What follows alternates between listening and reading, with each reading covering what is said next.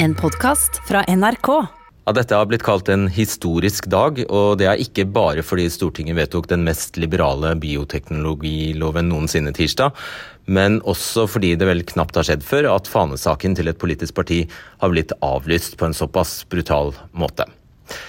Legg merke til i denne sendingen at eh, Kjell Ingolf Ropstad selv sier at KrF ikke sitter igjen med mange av de seirene som gjorde at de gikk inn i Solberg-regjeringen. Men sånn er det vel å være i mindretall, regner jeg med. Du hører Kjell Ingolf Ropstad, Åshild Brun Gundersen, Ingvild Kjerkol, Kjersti Toppe, Heidi Nordby Lunde, Tone Sofie Aglen og Lars Nehru Sand. Den 2. november 2018 holdt Kjell Ingolf Ropstad følgende appell til det ekstraordinære landsmøtet i KrF. Jeg håper vi velger den veien som gir historiske muligheter i kampen mot sorteringssamfunnet, og at vi ikke går en vei der det er så godt som utelukket. Så tok han KrF inn i Solberg-regjeringen, og i dag tapte han på alle fronter.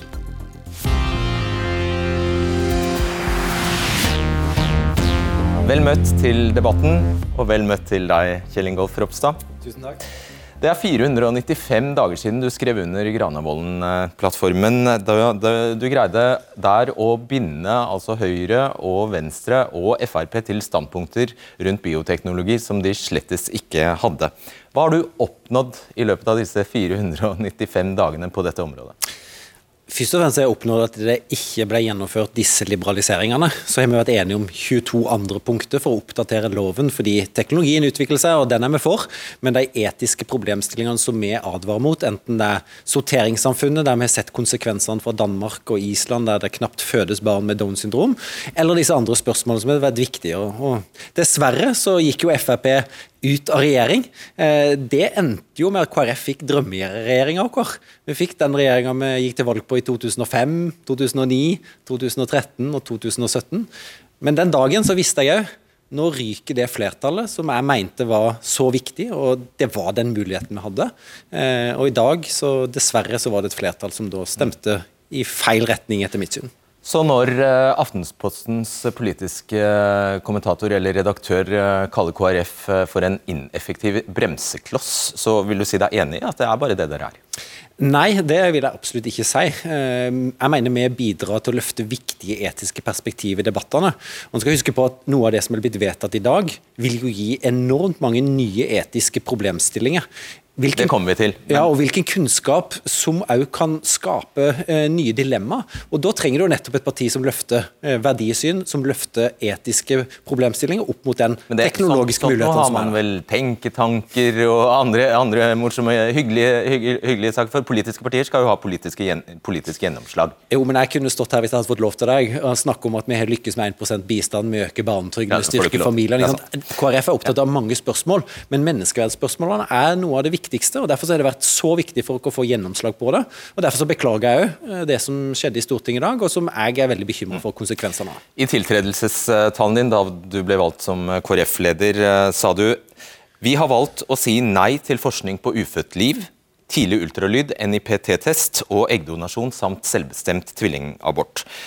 Nå blir det forskning på ufødt liv, tidlig ultralyd, NIPT-test og eggdonasjon. Så hva står igjen av det du kalte den gangen kalte du en, det en historisk mulighet? Hva står igjen?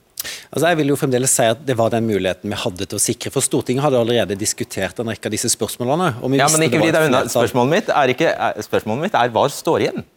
Nei, Nå er det jo bare forbudet mot selvbestemt tvillingabort som, som står igjen. Eh, men så er det òg eh, tidlig ultralyd, NIPT.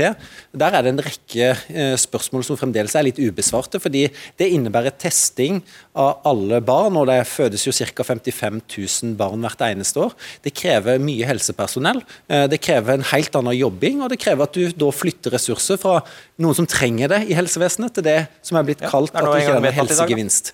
Ja, men samtidig så vil jo dette jo da som sagt føre til nye etiske dilemma.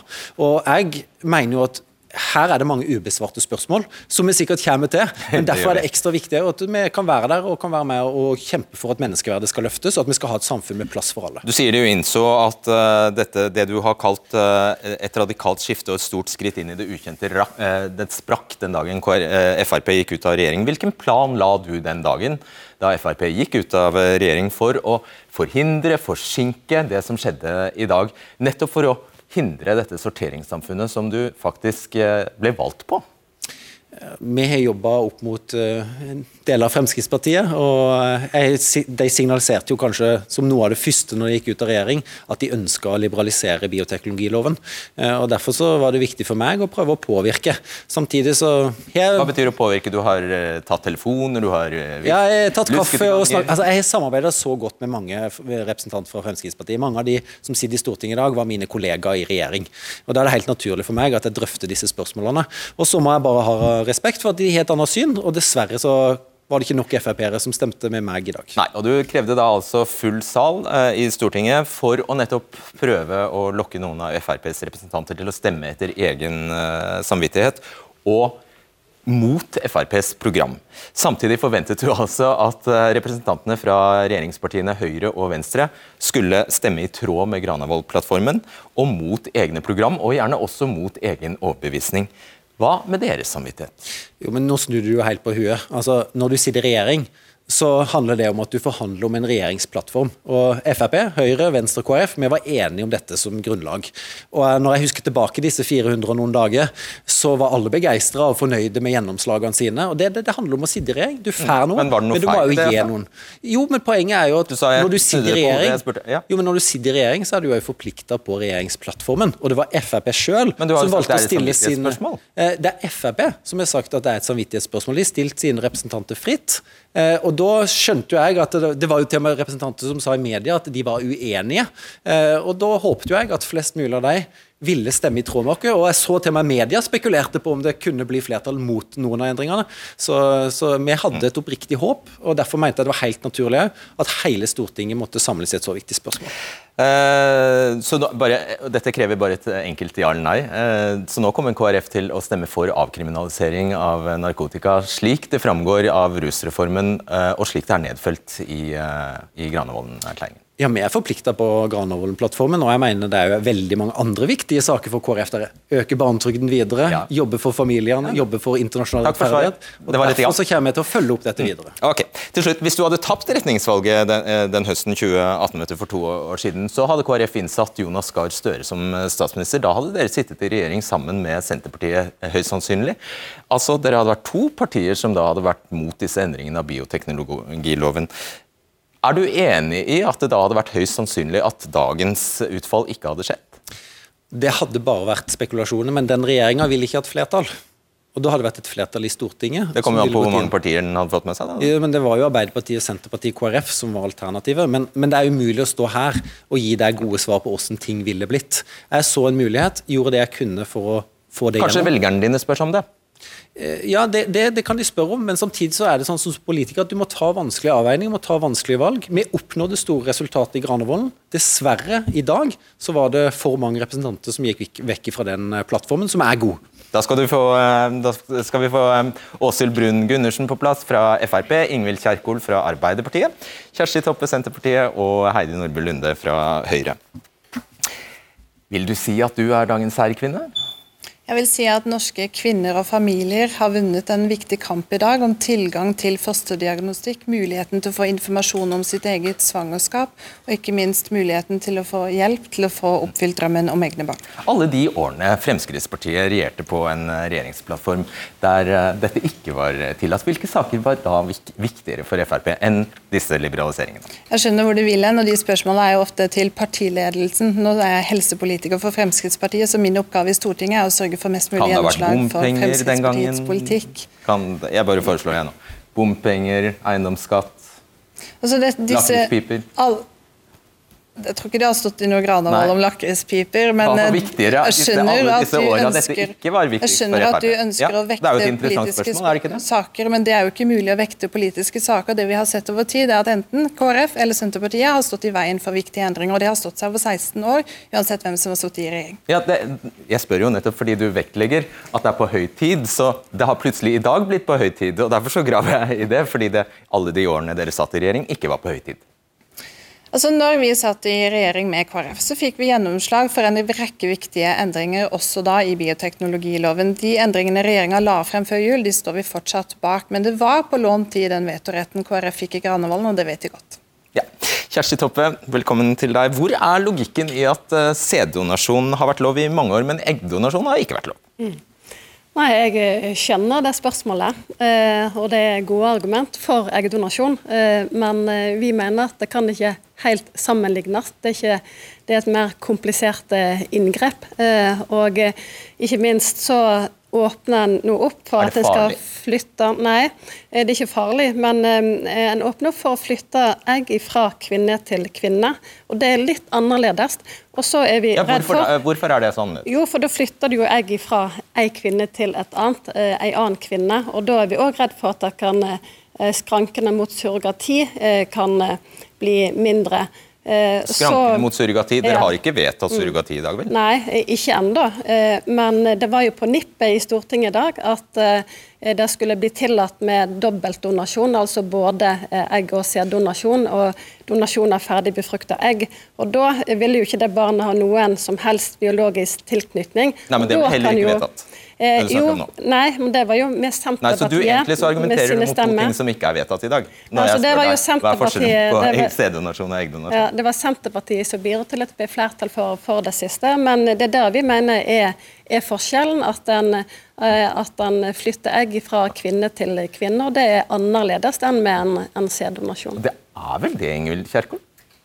Det er, det er forskjell på egg og sæd. Ja. Det tror jeg vi blir enige om alle sammen i kveld.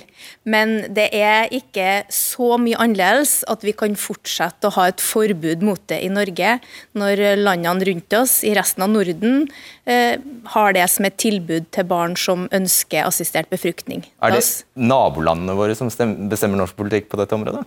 Nei, men eh, vi har hatt sæddonasjon i 90 år, og vi mener, ikke at det, vi mener at det ikke er gode nok grunner til at eggdonasjon skal være forbudt, så lenge vi har sæddonasjon. Hvis du har reproduktive utfordringer som mann, så får du hjelp i den norske helsetjenesten. Det bør du få Hvis hvis du er er kvinne. Hva sa du? Hvis du er sammen med en kvinne, så. Ja, du får det jo, og hvis du er mann og sæden din ikke fungerer, så kan du Hvis du er bare mann og ikke er en kvinne, så får du jo ikke særlig mye hjelp. Hvis du er et ektepar og Ja, sæden til mannen ikke fungerer, så får det paret hjelp Ja, ved de må være et par. Det var poenget Ja. mitt. Ja. Så vi mener at eggdonasjon det er en eh, likestilling mellom kjønnene, og det er ikke så mye plunder og heft at vi kan opprettholde et forbud. Nei, Hvor mye skal det koste for et egg? Nei, det skal ikke koste noe for et egg. Man skal donere det, og så skal det være et, et tilbud eh, den dama som trenger det, får av det offentlige. Hvor mye skal dama som gir egget få?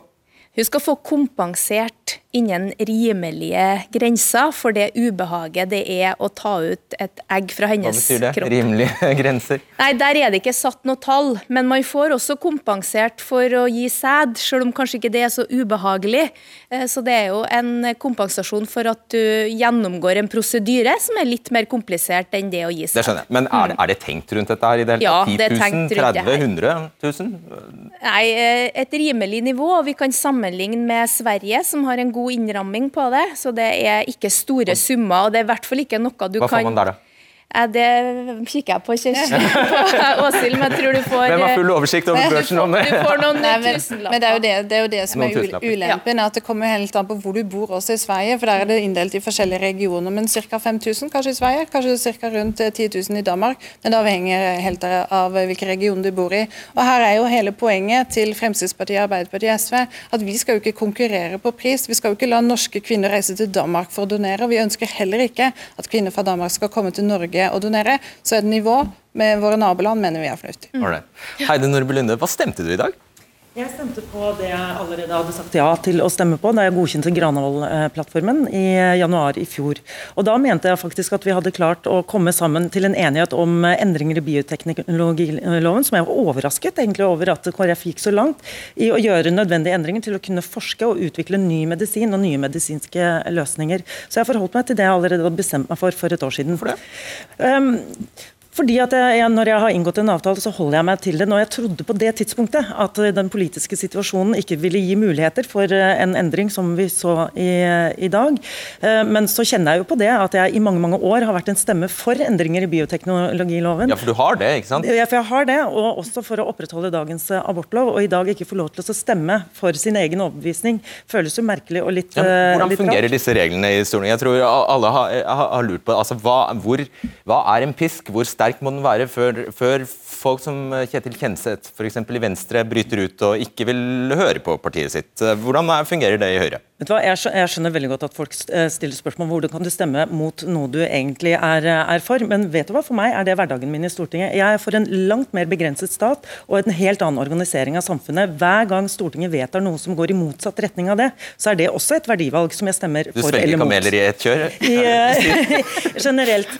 Men, eh, men, samtidig så har dette vært en krevende debatt internt i Høyre også. fordi at selv om vi har gått inn for, for assistert befruktning og for eggdonasjon, kombinasjon, så er det et stort mindretall i partiet. Og eh, Det har jeg respekt for, fordi det er etiske jeg, utfordringer med det. Du sa før Granevolden også at representantene nettopp i dette spørsmålet burde bli fristilt. Ja, da er det jo ekstra paradoksalt at du sitter der og trykker nei. Jeg mener jo at man eh, i denne type eh, verdispørsmål burde få generelt fristilling, men en forutsetning for at vi kom sammen og fikk til de endringene som vi fikk i Granavolden, var jo nettopp det at vi var enige. Og jeg synes Granavolden-plattformen ga en veldig godt utgangspunkt for nettopp de endringene i bioteknologiloven som vi har i fellesskap stått sammen om i dag. Mm. Hva er galt med eggdonasjon? Ja, vi har jo litt det samme perspektivet som Senterpartiet, men i tillegg er jo det biologiske. Så jeg mener at en hovedforskjell er at du da alltid visst hvem som er eh, barnets biologiske mor. Det bryter du jo nå. Eh, og jeg har stor forståelse for alle som ønsker å bli foreldre, og kjenner på det jeg ønsker. Men samtidig så har vi hatt et utgangspunkt i at barn har noen rettigheter til å kjenne sitt biologiske opphav. Får man aldri vite det? Eh, jo, nå er det jo gått inn for at en skal eh, vite det når en er 15 år. Eh, men samtidig så er det jo en annen utfordring, og det mener jeg en toucher borti her. Det er at det har vært en viktig grense mot surrogati. og når vi diskuterte disse spørsmålene for bare fem, kanskje ti år tilbake, så var det veldig mange politiske partier som var mot disse spørsmålene.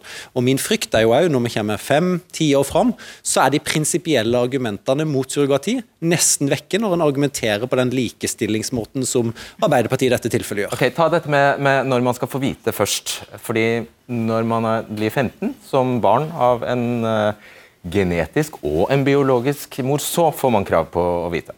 Ja, og vi er veldig opptatt av at barn skal kjenne sitt biologiske opphav. og Det, rammer, det er også et veldig sterkt argument for å tillate eggdonasjon i Norge. Fordi at norske kvinner reiser ut og får donerte egg hvis ikke tilbudet er i Norge. Det er en realitet vi ikke kan gjøre noen ting med. Og da er muligheten til å kjenne sitt opphav utenfor vår kontroll. Så Det var jo en av de enstemmige vedtakene i dagens behandling. At man skal kjenne sitt opphav innen 15 år. Men når du sier vår kontroll, myndighetenes kontroll, ja, myndighetenes det er den enkelte kvinne ja, ja, ja, får vite ja. hvem det er? Ja. Den enkelte kvinne vet hva hun har gjort, så det er ikke utfordringa. Men det er jo også sånn at både sæddonasjon sæddonasjon og eggdonasjon er anonym, sånn som den er ramma inn nå. Så retten til å vite det er når barnet er en viss alder. Man satt 15 år i innstillinga i dag. Mm. Hvorfor skal staten hjelpe til aktivt med å lage alenemødre? Vi eh, har i, Norge tillatt adopsjon eh, enslige. Kan få adoptere barn. I Norge har de fått siden eh, 19, 1990. Jeg prøvde å utfordre KrF på det i dag, og de, de står bak det. Eh, og så er det jo altså en utfordring med ganske mange kvinner der ute som blir rammet av alvorlig sykdom, og som får kreft i eggstokkene og ikke klarer å bære frem egne barn. Som syns det er veldig leit å ikke kunne bære frem parets barn. Hvis mannen altså blir rammet av den samme sykdommen, så får man hjelp, men hvis kvinnen gjør det, så har man ingen hjelp å finne. Og Vi i Fremskrittspartiet har foreslått en rekke innstramminger og rammer rundt dette. Eh, som skal være til barns beste. Og Det er det jo helt utrolig å høre KrF nå snakke om biologiske bånd. For det vi gjorde i dag, Killingolf, det var å foreslå at det ikke skulle være lov med embryodonasjon i Norge. Og det skulle ikke Oi, være lov med dobbeltdonasjon. Men han stemte imot. Hva er, det for noe? ferdig befrukta egg fra en annen familie, som da vil gi barn som har genetiske helsesøsken voksne opp hos en annen familie. Det mener vi reiser en andre etiske problemstillinger, og det stemte faktisk KrF mot. Svarkolpa. Ja, Vi stemte jo mot fordi det var en del av Det var vel Arbeiderpartiet som ønska det, og gikk lenger. Så vi ønsker jo ikke å åpne for eggdonasjon, og disse spørsmålene hang sammen. og Derfor så stemte vi mot. Men jeg mener jo det er viktig i disse typer spørsmålene at faktisk staten, når en tar på seg et ansvar eh, om at, å bringe barn til verden, at en òg har utgangspunkt i barnets beste. Og Dette handler ikke om at folk ikke er gode omsorgspersoner, eller noen ting, men vi har hatt et barneperspektiv i spørsmålene. og Derfor så er det òg mange som peker på at dette er en svekkelse av barns rettigheter, noe jeg mener.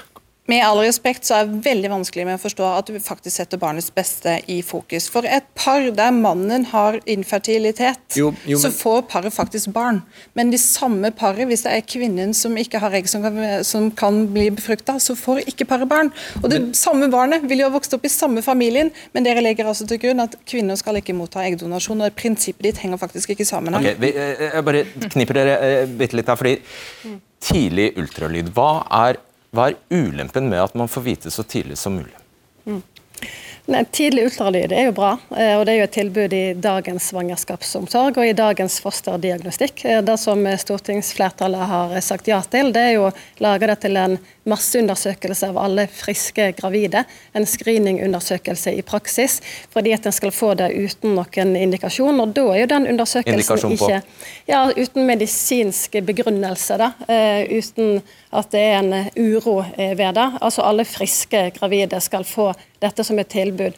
Og Da har jo kunnskapsinnhentinga vist at eh, bruker en tidlig ultralyd slik, så vil det ikke føre til en helsegevinst hos verken mor eh, eller barn. Eh, og Da mener jo vi at det er feil bruk av offentlige helsekroner å innføre det som et tilbud til alle. Vi mener det skal være sånn som i dag, men vi må sikre på at det blir et likt tilbud i, i hele landet. Er det, altså, bare for å oppklare, det er to vedtak her. Det er ett om tidlig ultralyd, og så er det ett om denne blodprøven NIPT. Stemmer det virkelig at det er påvist at det ikke gir noen helsegevinst? Nei, Kjersti Toppe snakker om et kunnskapsgrunnlag, en rapport som er ti år gammel. Og Den eh, sa at man ikke kunne påvise en helsegevinst på befolkningsnivå, men man kunne heller ikke utelukke helsegevinst. Og Fagfolket landets fostermedisinere, de som er på fosterets side, som utvikler en ny behandling som kan behandle lidelser i mors liv for å redde liv, og det er Arbeiderpartiet veldig opptatt av, de ønsker det her. 15 representanter fra landets fostermedisinske miljø har anbefalt dette, jobba for dette i mange mange år. Det er viktig å avdekke tidlig en del lidelser som kan behandles. Tvillinger f.eks.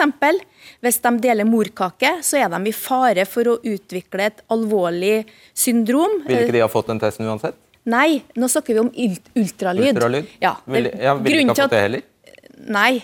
Eh, med mindre de kjøper det som et til, privat tilbud, som veldig mange kvinner i urbane strøk gjør i dag. Så jeg forstår jo ikke helt Kjersti Toppe, som ikke ønsker en like god svangerskapsomsorg over hele landet. Det som skjer i dag, det er at damene i byområdene de drar på private klinikker og tar ultralyd i første trimester av svangerskapet hos private, mens resten av landet ikke har tilgang gjennom en god offentlig tjeneste på den okay. samme gode undersøkelsen. Toppe. Eh, det har jo vært en kunnskapsinnhenting i 2012, det er åtte år siden, men det har ikke vært noen annen kunnskapsinnhenting etterpå som har motbevist det. Eh, og det kom faglige retningslinjer for svangerskapsomsorgen i 2018 som heller ikke anbefalte det. En kan vise til ett fagmiljø som, vis, som, som ønsker dette her, men også, vi har fått uh, mange tilbakemeldinger fra andre fagmiljøer som mener at dette er feil prioritering. Det er litt vanskelig å forstå hva det skulle skade, selv om det kanskje ikke er på, påvist. Hva skulle det skade å ta en test? Det handler jo om at dette skal betales av det offentlige. Eh, og Vi har jo knapphet på jordmødre, vi har knapphet på, på gynekologer. Skal de bruke sine ressurser på eh, et tilbud som ikke har dokumentert helsegevinst? Eh, det mener vi er helt feil. og Det kan òg uroe en del med falske altså en forsvar som er falske positive, som en sier. altså En kan skape uro ja, hos er, friske Det er mye mer alvorlig enn det du egentlig sa, sa nå, for det kan jo faktisk bety i ytterste konsekvens at man altså Hvis man får et såkalt feil positivt svar, så kan man abortere et friskt foster, eller et foster det overhodet ikke feiler noen ting? I utgangspunktet så handler denne debatten egentlig om informasjonen skal gis tidlig eller seint, om man skal bruke metoder som er trygge eller metoder som ikke er trygge. Det KrF og Senterpartiet det er, eh, mener ofte, det er at det er metodene som skal brukes. Det skal være de gamle metodene, og de skal gjøres seint i svangerskapet. Ja, det er vi imot. Fostervannsprøven f.eks., den er jo risikofylt i seg selv. Ved å ta en fostervannsprøve så øker man også risikoen for spontanabort. Den kan erstattes med en helt vanlig blodprøve som er risikofri både for mor og for barn, men den ønsker dere å forby. Uh, her må jeg bare, bare, igjen spørre deg, Hva stemte du her? Nei, Jeg stemte igjen med Granavolden-erklæringen, men jeg har jo lyst til å nyansere litt. fordi at Feilslutningen her er jo nettopp at det er friske kvinner som skal få tilbudet. Men det man ser etter, er jo om det er skader på fosteret som man kan hjelpe til eller gjøre noe med. Og er, Der er det jo et balansert verdisyn. På De på den ene siden ser på dette som teknologi som uh, går utover liv, mens uh, jeg på min side ser på dette her som en mulighet til å både redde liv og forbedre livskvalitet. Ja, så bare for å oppklare, du er Altså Her tilhører du egentlig den siden, men du stemte nei. Jeg stemte nei, men jeg tilhører også, men, men, det er nettopp for å vise at denne debatten er ikke så enkel som veldig mange vil ha det til. Og de som ikke har et reflektert forhold til de etiske utfordringene ja. der, så så gjør, gjør, ikke denne debatten en, en tjeneste. Nettopp. Men du ser da, altså, altså hva, hva, tror du, for det er det, det, mye av diskusjonen dreier seg om, hva tror du kommer til å skje med tallene på, eller antallet barn født med Downs syndrom i Norge når vi gjør det, eh, dette her?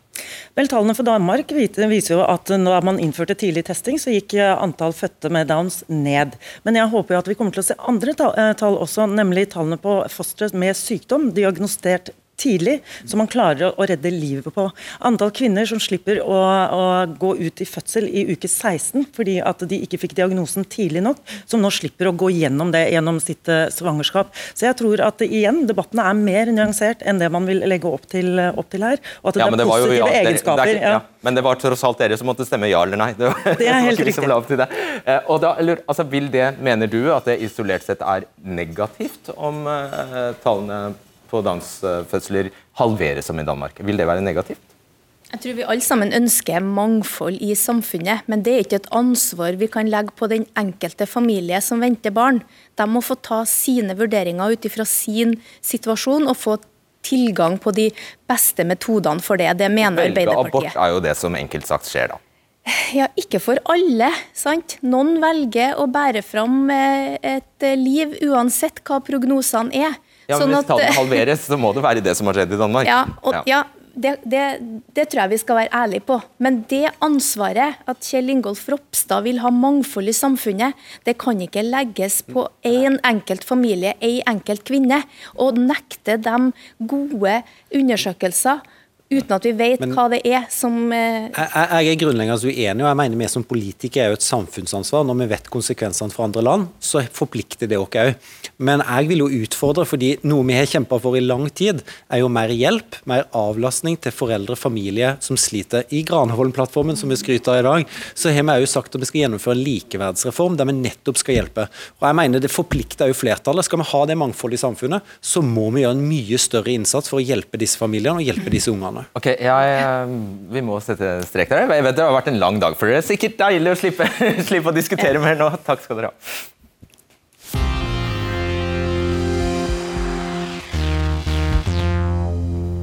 Ja, det som ble, på forhånd ble kalt en stortingstriller, endte altså med at KrF tapte så det eh, suste på alle punkter. Nå skal vi forsøke å rydde litt i det som har skjedd, ved hjelp av Tone Sofie Aglen og Lars Nehru Sand fra henholdsvis eh, VG og NRK. Først, eh, Aglen, hva eh, syns du om Ropstads strategi for å vinne, over, vinne flertallet i Stortinget? Nei, den var jo ganske dårlig valgt. For når han prøvde å appellere til eh, enkeltrepresentanters samvittighet, så fikk han jo det tilbake og klarte å få en del utbrytere også i regjeringspartiene. Så den kortsiktige strategien var nok eh, heller mislykka. Det er ganske lett å se i dag. Ikke sant. Lars Nehru Sand, hvilke, hvilke konsekvenser kan det få? At man ikke vant frem her. Ja. Det gjør jo at uh, Granavolden-plattformen ser eh, mindre verdt ut enn den eh, allerede var. Den eh, mistet jo litt verdi da Fremskrittspartiet gikk ut og, og har fristilt seg selv eh, veldig. Og når man da eh, også nå viser at, eh, at, de avtalene man der prøvde å inngå for å låse seg til eh, standpunkt man ellers ikke ville fått flertall for, er i spill, så har det noe å si for hele sam, samhandlingen på borgerlig side. Og Hvilke saker snakker vi da som er i spill? Altså Frp-seire som de, no, de andre nå fortsetter å regjere på grunn av? Ja, Frp-seieren var jo, som man har vært inne på allerede, den uh, bestemmelsen om, uh, om, å la kommunene få Eller sta, statlig eldreomsorg, forsøksprosjekt i enkelte kommuner, det er jo allerede utsatt. Denne eiendomsskattseieren til Frp er allerede utsatt. Men en av de virkelig store sakene, som ironisk nok også er på helsefeltet, som nå er i spill, kan potensielt være rusreformen, hvor det er litt som i bioteknologi, en vanskelig sak i mange partier. og skille skillelinjene er litt uklare. Eh, men hvor det ble investert mye for å prøve å få en, eh, en liberal reform igjennom. Det er særlig Venstre seier for dem at, at den reformen blitt noe av. Eh, og som de nå er, er nervøse for. Ja, fordi, ja, ikke sant? For det samme kan skje der, nesten? Det kan det. Mm, fordi Frp ikke helt har bestemt seg, vel, egentlig. Aglen. Uh, hva, hva, altså, det er vel ikke sannsynlig, sannsynlig at de skroter Granavolden, så hva kommer til å skje? Du ser jo det at uh, lojaliteten til den uh, er mindre. Samtidig så ser vi også det at uh, opposisjonen på Stortinget har jo nå skjerpa klørne, og regjeringa har jo tapt sak etter sak etter at Frp gikk ut. Men samtidig så Eh, så har jo Ropstad oppnådd én ting. For vi må ikke glemme heller at e-, eneste grunnen til at de har mista sin store seier, er jo at Frp forlot regjeringa. Og alle KrF-ere har jo ønska det veldig sterkt, og nå tror de på en måte at de skal få i pose og sekk. Men det er jo et ironisk for KrF at de får oppfylt sin store drøm om den regjeringa de helst vil ha, men de har mista den store seieren sin eh, på veien. Så blir jo spørsmålet nå, med en mindretallsregjering som er ganske svekka for øyeblikket, hva de klarer å oppnå framover. Mm. Eh, hva kommer eh, til, hva, hva, hvordan ser veien videre ut her nå? For Kristelig Folkeparti så er det jo uansett sånn at stortingsvalget neste år blir, blir en ny veivalgsdiskusjon for dem. Og begeistringen for Frp er jo mindre selvfølgelig nå enn, enn noen gang før. Så hvordan Ropstad skal utnytte det at mange nok på, på rød og blå side har funnet sammen i, i kampen for å vinne den uh, saken man tapte i dag. Uh, det kan han fort tape igjen ved at uh, frontene blir steile om hvordan KrF skal forholde seg i partilandskapet, hvilken regjering man skal gå til valg på, og hvilket forhold man skal ha til borgerlig side etter stortingsvalget neste år og inn i den nye stortingsperioden. Kan de finne på å gå på enda en sånn runde? Kan de gjøre det? Ja, ingenting forundrer meg med de små partiene på Stortinget. Men eh, det vi har sett nå, er jo at KrF er jo mer samla enn de har vært. Bioteknologi er jo noe som samler partiene. Og hvis man spoler litt tilbake, så til og med Knut Arild Hareide og Rød Side sin drømmeregjering var jo en borgerlig regjering uten Frp, så det ville nok overraske meg om, eh, om det ville være det første som står på menyen deres. Han vil ikke svare helt på det, Ropstad, men eh, er det, er det, er det mer sannsynlig at dette ikke hadde skjedd hvis de hadde gått til Venstre? Nei, Det viser jo litt debatten i dag at Arbeiderpartiet er jo ikke noe lettere å få gjennomslag for KrF sitt syn med enn det ville vært på borgerlig side. Poenget her var at eh, det Ropstad jo overtalte partiet til å gå inn i, var en flertallsregjering. Og uten at verken han eller Erna Solberg eller noen andre ønsket det, så er det ikke lenger en flertallsregjering. Det er jo det som setter, eh, setter hele forholdet her i, i spill. Burde han ha sett at det kunne komme til å skje? Eller er det for mye forlangt?